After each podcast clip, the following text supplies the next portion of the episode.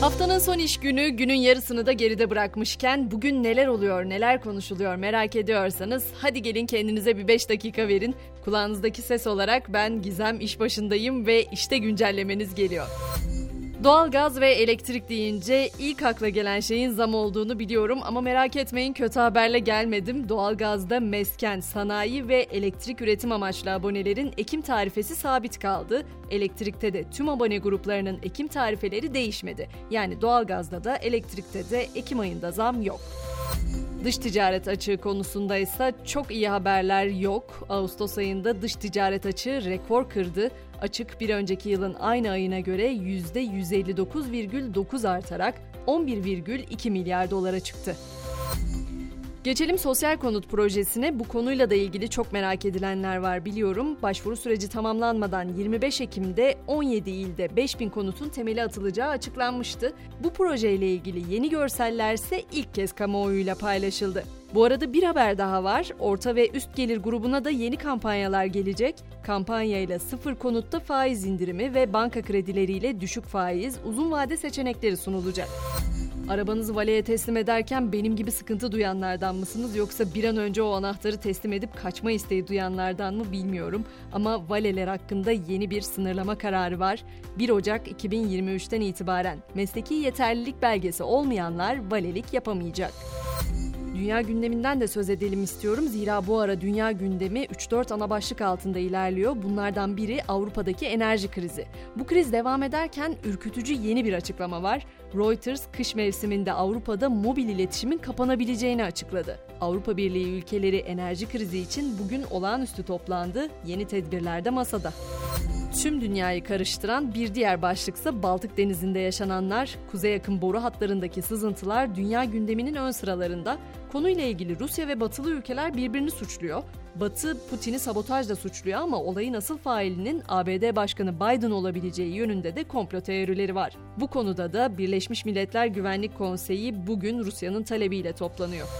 Tabi Rusya konusunu açtığımızda da Ukrayna gerilimine değinmeden olmuyor. Rusya lideri Putin, Ukrayna'da ele geçirdikleri Herson ve Zaporijya bölgelerinin sözde bağımsızlıklarını tanıyan kararnameleri imzaladı. Referandum yapılan o dört bölgenin Rusya'ya katılmasına yönelik bugün Kremlin Sarayı'nda tören var. Fakat Rusya bir yandan taarruzu da sürdürüyor. Zaporijya kentinde bir sivil araç konvoyuna düzenlenen füze saldırısında en az 23 kişi yaşamını yitirdi. Biraz daha uzağa Amerika kıtasına gidelim. ABD'nin Florida eyaletinde büyük hasara yol açan Ian kasırgası şimdi Güney Carolina ve Georgia eyaletlerine ilerliyor. Başkan Biden bu kasırganın eyalet tarihindeki en ölümcül fırtına olabileceğini söyledi. Kasırgada yaşamını yitirenler olduğu gibi 1 milyona yakın kişi de elektriksiz kalmış durumda. Peki İngiltere'de neler oluyor? Kraliçe 2. Elizabeth'in ölümünden sonra Birleşik Krallık'ta kullanılan paraların üstündeki portreler değişmeye başladı. Kraliyet Darphanesi, Kral 3. Charles'ın portresinin olduğu 5 peni ile 5 poundluk hatıra paralarını tanıttı. Kralın görüntüsünü taşıyan paralar önümüzdeki haftalarda genel dolaşıma da girecek.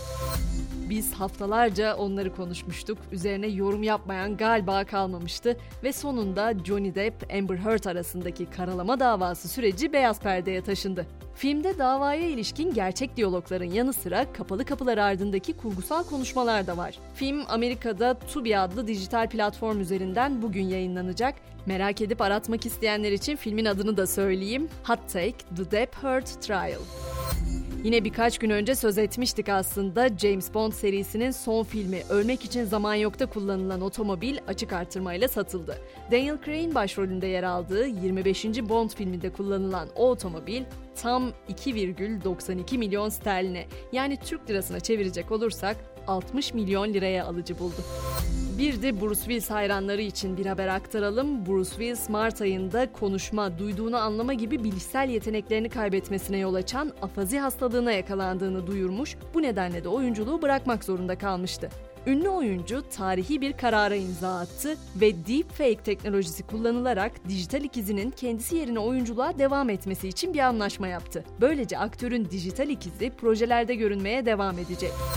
Ve Google'ın bir uygulaması daha tarihe karışıyor hem de Türkiye'ye daha gelmeden. Şirket 2019'da hizmete sunduğu bulut oyun sistemi Stadia'nın fişini çekme kararı aldı. Kullanıcılar 18 Ocak 2023'ten itibaren Stadia'ya erişim sağlayamayacak. Peki bu süreçte Google Store'dan satın alınan Stadia donanımları, Stadia'dan yapılan satın almalar ne olacak derseniz tüm bunlara ait tutarlar geri ödenecek. Noktalarken hemen spora da yer verelim. Filenin sultanları son 16'ya yükseldi. Dünya Kadınlar Voleybol Şampiyonası'ndaki dördüncü maçında Hırvatistan'ı 3-0 yenen A Kadın Voleybol takımımız gruptan çıkmayı garantiledi. Hafta sonuna doğru adım adım ilerlerken dilerim günün geri kalanı da oldukça hızlı geçer. Saat 18'de tekrar görüşmek dileğiyle şimdilik hoşçakalın.